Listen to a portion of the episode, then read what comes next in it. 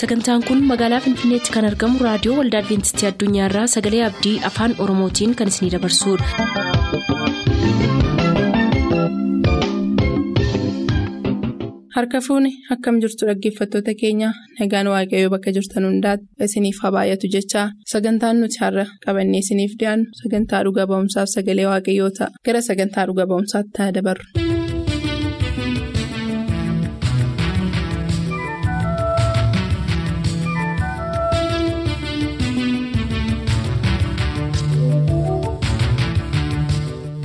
Kabajamoo dhaggeeffattoota keenya akkam jirtu kun sagantaa dhuga ba'umsaati torban darbee dhuga ba'umsaa obbo Lammeessaa keessatti yeroo torba kitaaba qulqulluu akka dubbisanii xumuran fi akkasumas immoo ammas guyyaa guyyaatti yeroo sadii akka kitaaba qulqulluu dubbisan dhugaanuuf ba'anii turanii kanarraas immoo eebba hedduu akka eebbifaman nuuf himaniiru har'as qophii keenya kana.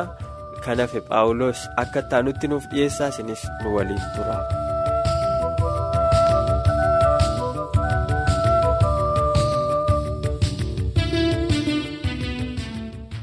amma kanan isin argee waldaa adventistii guyyaa torbaffaa wallaggaa yuunivarsiitii magaalaa naqamtee keessatti argamu keessatti akkamittiin gara iddoo kanaa dhuftanii akkamittiin gara waldaa kanaa dhufuu dandeessanii. Tolee akkuman jalqaba kaase hamma kudha sagal sagaltamii sagal kana jechuun waggaa lammaffaa barataa yuunivarsiitii ta'ee hamman turetti ani adeemsa waldaa kiristaanaa keessa rakkinni tokkoyyuu jira jedhee hin yaadun ture. kudha sagal sagaltamii sagaliyaas garuu tokko kanan baradhe hawaasaa yuunivarsiitiitti hawaasaan magaalaa namoonni hedduun keessa jiraatan ta'ee garuu waldaan kiristaanaa achi keessatti baay'ee hedduummata. Waldaa irratti gaaffii akka kaasu kan na taasise keessaa inni tokko waldoonni hin baay'atu. Waldoonni hamma baay'atan immoo hammuma kanaa walitti naasa'anii inni tokko isa tokko gidduu dhaqee yoo waaqeffate waldaa isa kan keessaa akka ari'amu taasifama. Wal mormuun jira. Garuu immoo nuti tokko jedhame immoo haala kanaan wantoota so maanni wanti waldaa kana akkas garmalee bibittinsu kun eebba moo abaarsaa kan jedhu yeroo hundumaa sammuu koo keessa naanna'a. Kana duwwaa immoo miti. kudha sagal sagaltamii sagalii kaasee haalli waaqeffannaa waldaa ani beeku keessatti waaqeffannaadhaa fi ganama faarfattoonni iddoo qabatanii faarfatu sagalee waaqayyoon dubbifamaa namoonni hin kadhatu akka kanaan waldaan geggeeffama. Iddoon deemetti garuu tokko haalli faarfattoonni itti faarfatan inni lammaffaan immoo waaqeffattoota jedhamee adda biraaniyyuu faarfataa kwaayiriitiin alaa yeroo dabalataa fudhatamee faarfannaa duwwaa ta'uun sagaleen waaqayyoo yeroo dhabaa adeemuun kadhanni waldaa kiristaanaa keessaa badaa adeemuun akkasumas immoo qabiinsa hafuura qulqulluuratti yeroo hundumaa macaafa qulqulluu yommuu dubbisu gaaffii kanatti ta'u durayyuu eenyuyyuu kan naaf hin deebifne iddoo sanatti immoo baay'achaa adeemu sanaan arge fakkeenyaaf.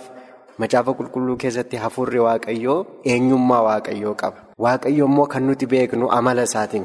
Amalli isaa immoo waaqayyoo waaqa pirinsipiliitii, disipiliinii qaba, hin dhaggeeffataa, waaqa naamusaati.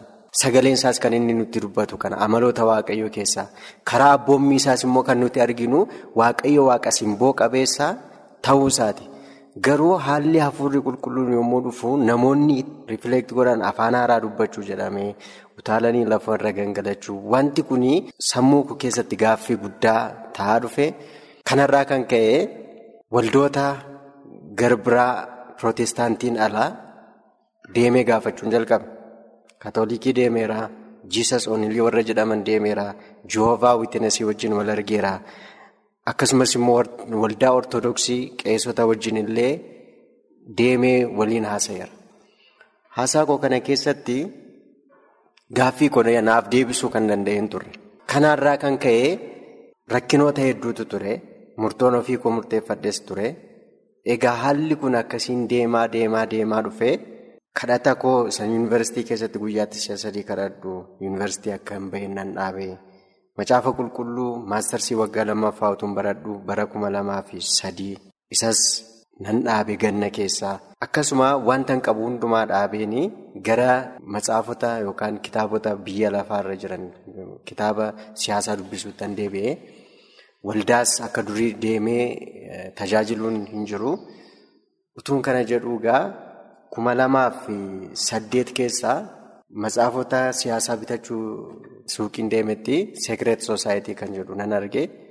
Sekireet soosaayitiin manni eessaa dhufanii isaan eenyufaadhaa maal hojjechaa jiru kan jedhu baay'inaan qayyabadheera. Kan akka kabalizim, noostizim, rooshikruuzner, jezuweet order, illuminaati, skalandaboon, naayits of maaltaa, naayits teemplar, biildarberg group. Baay'ee isaanii qayyabadhee wanti isaan anatti argisiisanii waldaa kaatolikii roomaa, paappaasii roomaa dur turanii wantoota kana akka isaan qindeessaa harki isaanii keessa akka ture himu turan.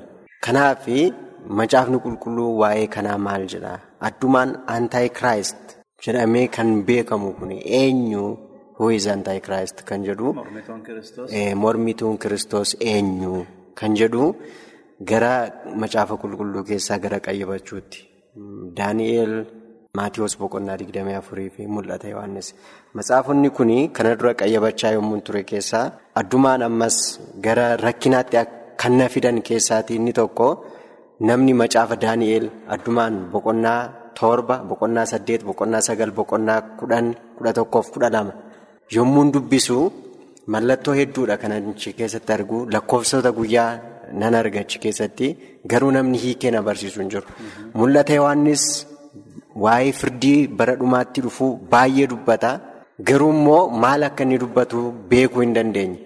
Kanaaf qayyabannaa macaafa qulqulluu keessatti wantoonni yeroo hundumaa gaaffii natti ta'an isaan kana. Isaan kana adda baafachuudhaaf yeroo baay'ee macaafota garaa garaa baasee dubbisuu yaaleera garuu argachuu hin dandeenye.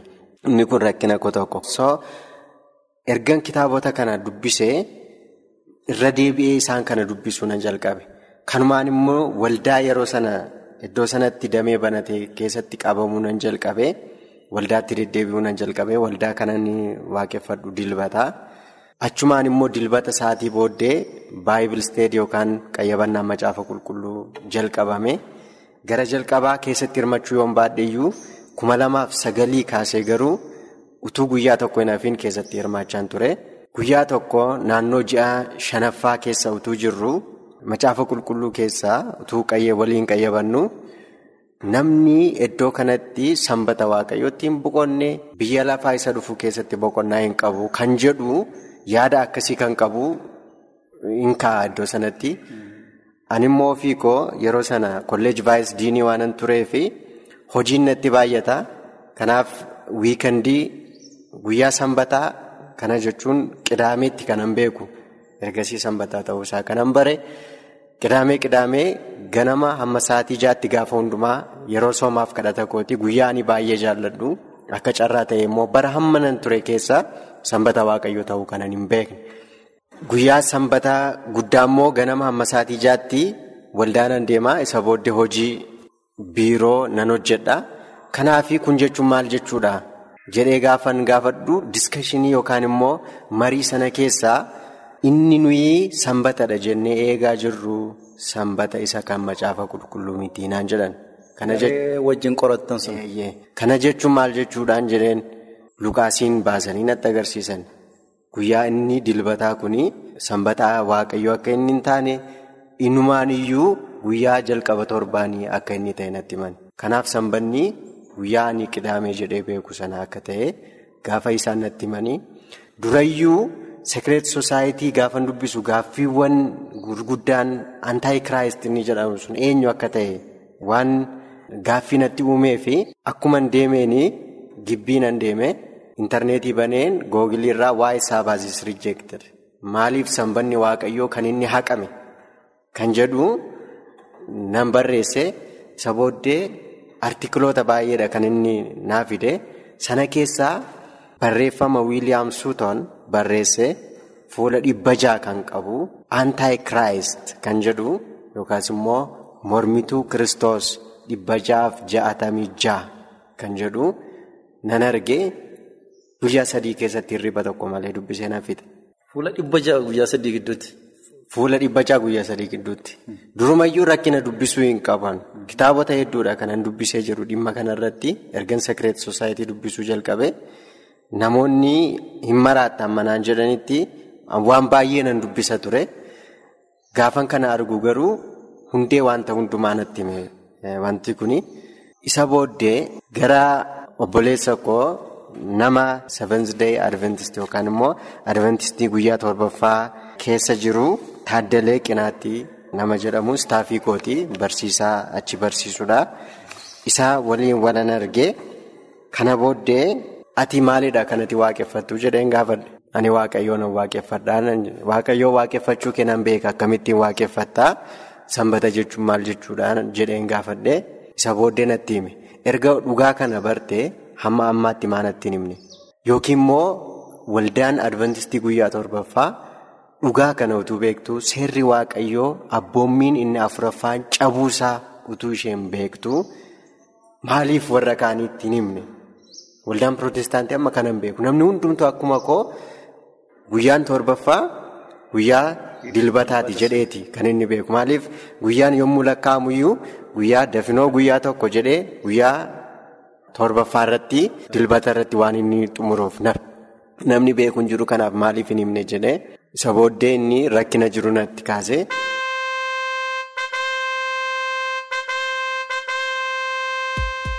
Egaa kabajamoof jaallatamoo dhaggeeffatoota keenyaa keessummaan keenya har'aa barsiisaa lammeessaadha dhuga ba'umsaa kana keessatti.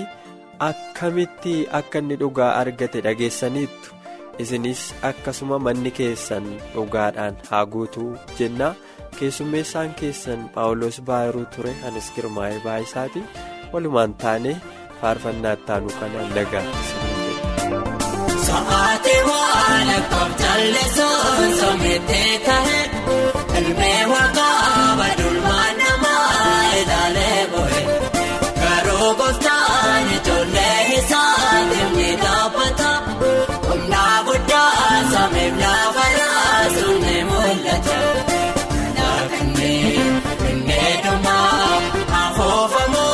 qopheettee jira. Lammataa Murtee jalaa ba'aa malee nama dara. Naasumee dadaacha'ee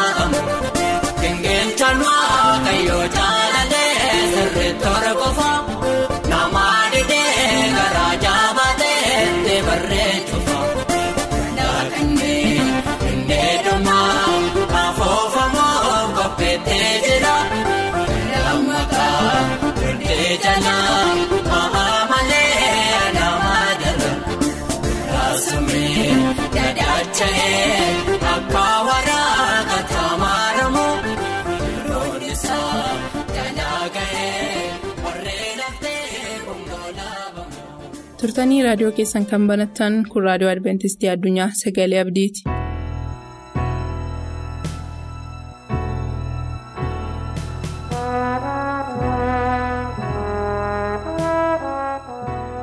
harka fuuni kabajamtoota dhaggeeffatoota keenya. Lafa jirtan hundumaatti nagaa waaqayyo ni wajjin haa ta'u dhaggeeffattoota. Yeroo kana dubbii waaqayyoo wajjiniin ilaallu. Karaa ofiirra jooruu jedha. Karaa ofiirra jooruu. Gara dubbii waaqayyoo kanaatti tunseeniin mataa keenya gadi qabannee haa kadhannu. Waaqayyo isa hundumaa dandeessu abbaa keenyaa jaalalan dabarreen nu jaallattee fayyina waan nu laatteef ulfaadhu hundumti keenya iyyuu karaa ofii keenyaa isa nu balleessu dhiifnee. karaa keessa gaariirra deemnee mootummaa keetti akka galluuf araara kennuuf baay'isi dhaggeeffatoota keenya eebbisii ati ulfaadhu maqaa gooftaa yesuusiin ameen. dhaggeeffatoota seenaa tokkoon isinitti hima mata duree karaa ofiirra jooruu jedhu kana jalatti. Intalli tokko kiim jedhamti. Baay'ee beekamtuu taate umurii ishee dargaggummaa keessa. Gaazexeessituu turte. Iddoo tokko isa tokkotti dabartee utuma hojjettuu. Lafa oduun yookiin rakkoon tokkotti dhalate hidhattee utuma gabaasa dabarsituu. Baay'ee beekamuu eegalte. Kampanii isa tokko kampanii isa tokkotti utuma dabartuu miindaa irratti miindaa utuma argattuu maqaa irratti maqaa utuma argattuu baay'ee beekamaa dhuftee dhuma irratti dhaabbata televizyiinii baay'ee beekamaa biyya Ameerikaa keessaa tokko ta'etti qacaramtee achi hojjechuu eegalte kontiraata. Amma kana beekamaa deemtetti yeroo horii amma kana argachaa turte sana keessatti kiim waaqayyoon irraanfattee turte. Waldaa dhaquu dhiiftee turte. Biyya lafaarra ishee keessee turte.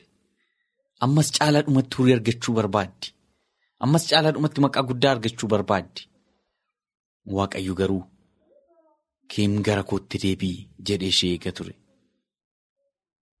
Gaaf tokkotu kanaan jiru gara hojii dhaqxe. Yommuu gara hojii dhaqxu hoogganaan ishee kiimarraa qabnee kontiraata kee si haaressuu hin dandeenyu. Har'a qabdee addanaa hojii sin qabdu miindaa sin qabdu ittiin jedhe keessa deebiin hin jiru. Hinnaati akka nama bakka kaan dha'e. Dubartiin waggaa baay'eetiif baay'ee beekamte. Dubartiin waggaa baay'eetiif galii guddaa argachaa turte. Amma kaatee nama hojii hin qabne taate qofaa isheeti baay'ee gaddite. Toleettee silaa wangootuun qabduutu deebitee deemaa jirtu muka tokko jala gatteesse. Muka isheen isa jala teesse sana fuula dura immoo muka murame tokko ture. Muki kun yeroo tokko beekamaa ture yookiin guddaa ture. Amma garuu muramaadha. Tarii nama tokkotti daqiiqaa jirtu gidduutti muree lafa buuse. Jireenyi koos akkas ta'e jette. Otoo hojii barbaaddu gaaf tokko akka lallabaan tokko naannoo isheen jiraattu sana dhaqee lallabu maxxansi bahee argite. Jiruu isin argatte gidduu sana waaqayyo gargaaree garuu wanti guddaan lallaba sana irratti torban guutuu hirmaatte. Yeroo sana lallabaan sun kan inni irratti lallabe gara caalaa macaafa raajicha Isaayaas keessaa. Boqonnaa shantamii sadii lakkoofsa ja'a isa jirudha. Mee hojjinaa dubbifannu dhaggeeffatoota. Raajicha Isaayaas boqonnaa shantamii sadii lakkoofsa ja'a. Nuyi hundumti keenya akka hoolotaa karaarraa bannee turre. Adduma addaanis karaa karaarra gorre. Waaqayyo garuu yakka hunduma keenyaa isarra kaa'e jedha. Hundumti keenya iyyuu karaa barbaanne irra deemnee turre. Hundumtii keenya iyyuu kan nu baasa jenna hordofaa turre waan feenu gochaa turre garuu hedhe waaqayyo balleessaa keenya hundumaa gatiittii gatiittii isaarra kaa'e asirratti gatiittii gooftaa yesus kiristoos irra kaa'e balleessaan keenya gatiittii yesus irra kaa'ame jechuu isaati. Garuu hundumti keenya kanayyuu irraanfannee kanayyuu dagannee araara waaqayyoo dhiifnee gaarummaa waaqayyoo tuffannee. Karaa fedha keenyaarra deemnee turre jedha.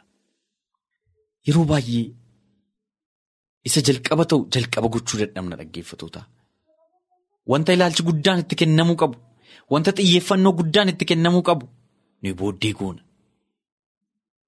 Kana yeroo baay'ee kan jireenya namaa balleessu. Gooftaan Yesus maal jedhe? Duraan dursitanii mootummaa waaqayyoo barbaaddadhaa. Hundumaa dura. Namaaf kan barbaachisu jiraate mootummaa waaqayyoo jalqaba barbaaddachuudha. Mootummaa waaqayyoo barbaaddachuu jechuun waaqayyoon beekuu jechuudha dhaggeeffatoota. Mootummaa waaqayyoo barbaaddachuu jechuun gooftaa yesuusiin garaa ofii keessatti moosisuudha. Jireenya ofii keessatti moosisuudha. Yaada ofii keessatti moosisuudha. Kaayyoo ofii keessatti of dura buusuudha. Namni biyya lafaa hundumaa buufate lubbuu isaa garuu dhabe maal bu'aa buusaaf jedha. Dhuguma dhaggeeffatoota. Biyya lafaa ishee waggaa shantama jaatama keessa jiraannu yoo buufanne jireenya bara baraa isa dhuma hin qabne yoo dhabne maal gatii nuuf qaba? Dhuguma immoo yoo keessa isaa gadi ilaalee dhaggeeffatoota jireenya biyya lafaa kanarratti waaqayyoon malee jiraatan gammachuu qabaa? Nagaa qabaa? Fiixaan ba'umsa qabaa? Hin milkoofnaa gooftaa yesuusiin malee yoo deemne. Eeyyeegaa kanaaf biyya lafaa irratti nuun yeroo baay'ee foon keenyaan gaggeeffamuudhaan akka hoolotaa karaa fedha keenyaarra deemuudhaan waaqayyo irraa fagaachuudhaan eebbanuuf ta'u dhabaa jirra. Isa dura ta'uu qabu dura utuu hin godhin hafna. Waaqayyoon dura buusuun kan nurra ture hojii keenya dura buufanna. Waaqayyoon kan dura buufachuun nurra ture fira keenya dura buufanna. Dhaggeeffatootaa iccita tokkoon isinitti hima. Waaqayyoof guyyaa guutuu dhaabannee hojjechuurra sa'atii tokko wangeela dubbifachuutiif kadhannaadhaan waaqayyoo wajjin haasa'uun gooftaa keenya guddaa gammachiisa. Gooftaan akka michuu garaa isaa nu godhachuu barbaada. Bartoota isaatiin gooftaa yesus isin obboloota koo yookiin michoota kootu ittiin jedhe. Kana booddee garboota koo isiniin hin jedhu jedhe. Sababiin isaa garbii waan gooftaan isaa godhu hin beeku. Isin garuu waan abbaa koo irraa dhaga'e hundumaa isinitti meera hin beektu. Kanaafuu isin michuu kooti jedhe. Gooftaa yesus michummaa keenya barbaada. Gooftaa yesus rakkoo keenya akka wajjin mari'annu barbaada. Gooftaa yesus yeroo hundumaa ganamaaf galgala akka wajjin haasofnu barbaada. Akka hibba isaarraa hirmaannu fedha. Garuu yeroo baay'ee burqaa qulqullaa dhiifnee corroqa waraabbanna. Burqaa bubbisu dhiifnee cooreetti gamna nama gaddisiisa. Wanta dura ta'uu jiru wanta jalqaba ta'uun irra jiru jalqaba gochuu dhiifnee jireenya keenya booressina. Maaliif nyaata dura goona? Gooftaan Yesuus Yohaannis boqonnaa ja'a lakkoofsa soddomii shan irratti utuu akkana jedhu. Ana buddeenni jireenyaa gara koo kan dhufu hin beela'u. Kan nanatti amanus matumaa hin dheebotu jedha. Ana buddeenni jireenyaa kan na bira dhufu hin beela'u hin dheebotus erga jedhee maaliif nuyi gooftaa yesuusiin dura nyaata keenyaaf bishaan keenya yookiin immoo hojii keenya buufannare. Maaliif abdii kan biraa qabaanna yookiin abdii kan biraa ilmaan namaarraa biyya lafaa kanarraa barbaanna utuu kitaabni qulqulluun faaruu Ermiyaas boqonnaa sadii lakkoofsa 25 irratti akkana jedhu isas isiniin dubbisa. Waaqayyo warra isa abdataniif warra isa barbaaddataniifis gaariidha jedha. Utuun akka jedhu maaliif nuun abdii kan biraa barbaanna? Waaqayyo warra isa abdataniif gaariidha. Yoo inni nu dura bu'e malee eessa ga'uu dandeenya? Mee aadaa dhaggeeffatu ta'a. Dameen tokko mukarraa fottoqee jiraachuu yaalu. Hundee isaarraa yookiin haadha isaarraa fottoqee jiraachuu yaalu. Yoo attam ta'e baalli isaa miidhaga dameen sun. Yoo maal ta'e abaaboon isaa nama hawwata. Dameen haadha isaarraa fottoqe sun. Karaa kamiin ani jadanuun godhadha jedhee abdata dameen sun haadha isaarraa buqqeetu jiru.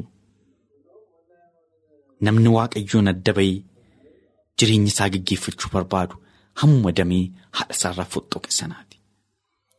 Ana malee waa gochuu hin dandeessan jedhe gooftaa yesus Wangeeloo Yohaannis boqonnaa kudha shan lakkoofsa shan irratti miisa isiniin dubbisa.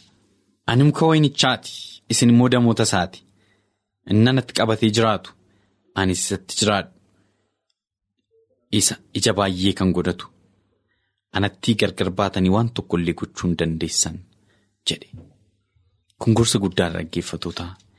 Anatti gargar baatanii waan tokkoyyuu gochuu hin dandeessan nuun jedha gooftaa yesus Kan dura ta'uu qabu waaqayyo wajjin walitti dhufeenya keenya jabeeffachuudha. Waaqayyo wajjin amantii keenya jabeeffachuudha. Miila gooftaa yesus jala teenya yeroo hundumaa akka maariyaam barachuudha. Yeroo sana wanti hundumtu fiixaan ba'a. Yeroo sana mo'umsaa gara mo'umsaatti dabarra.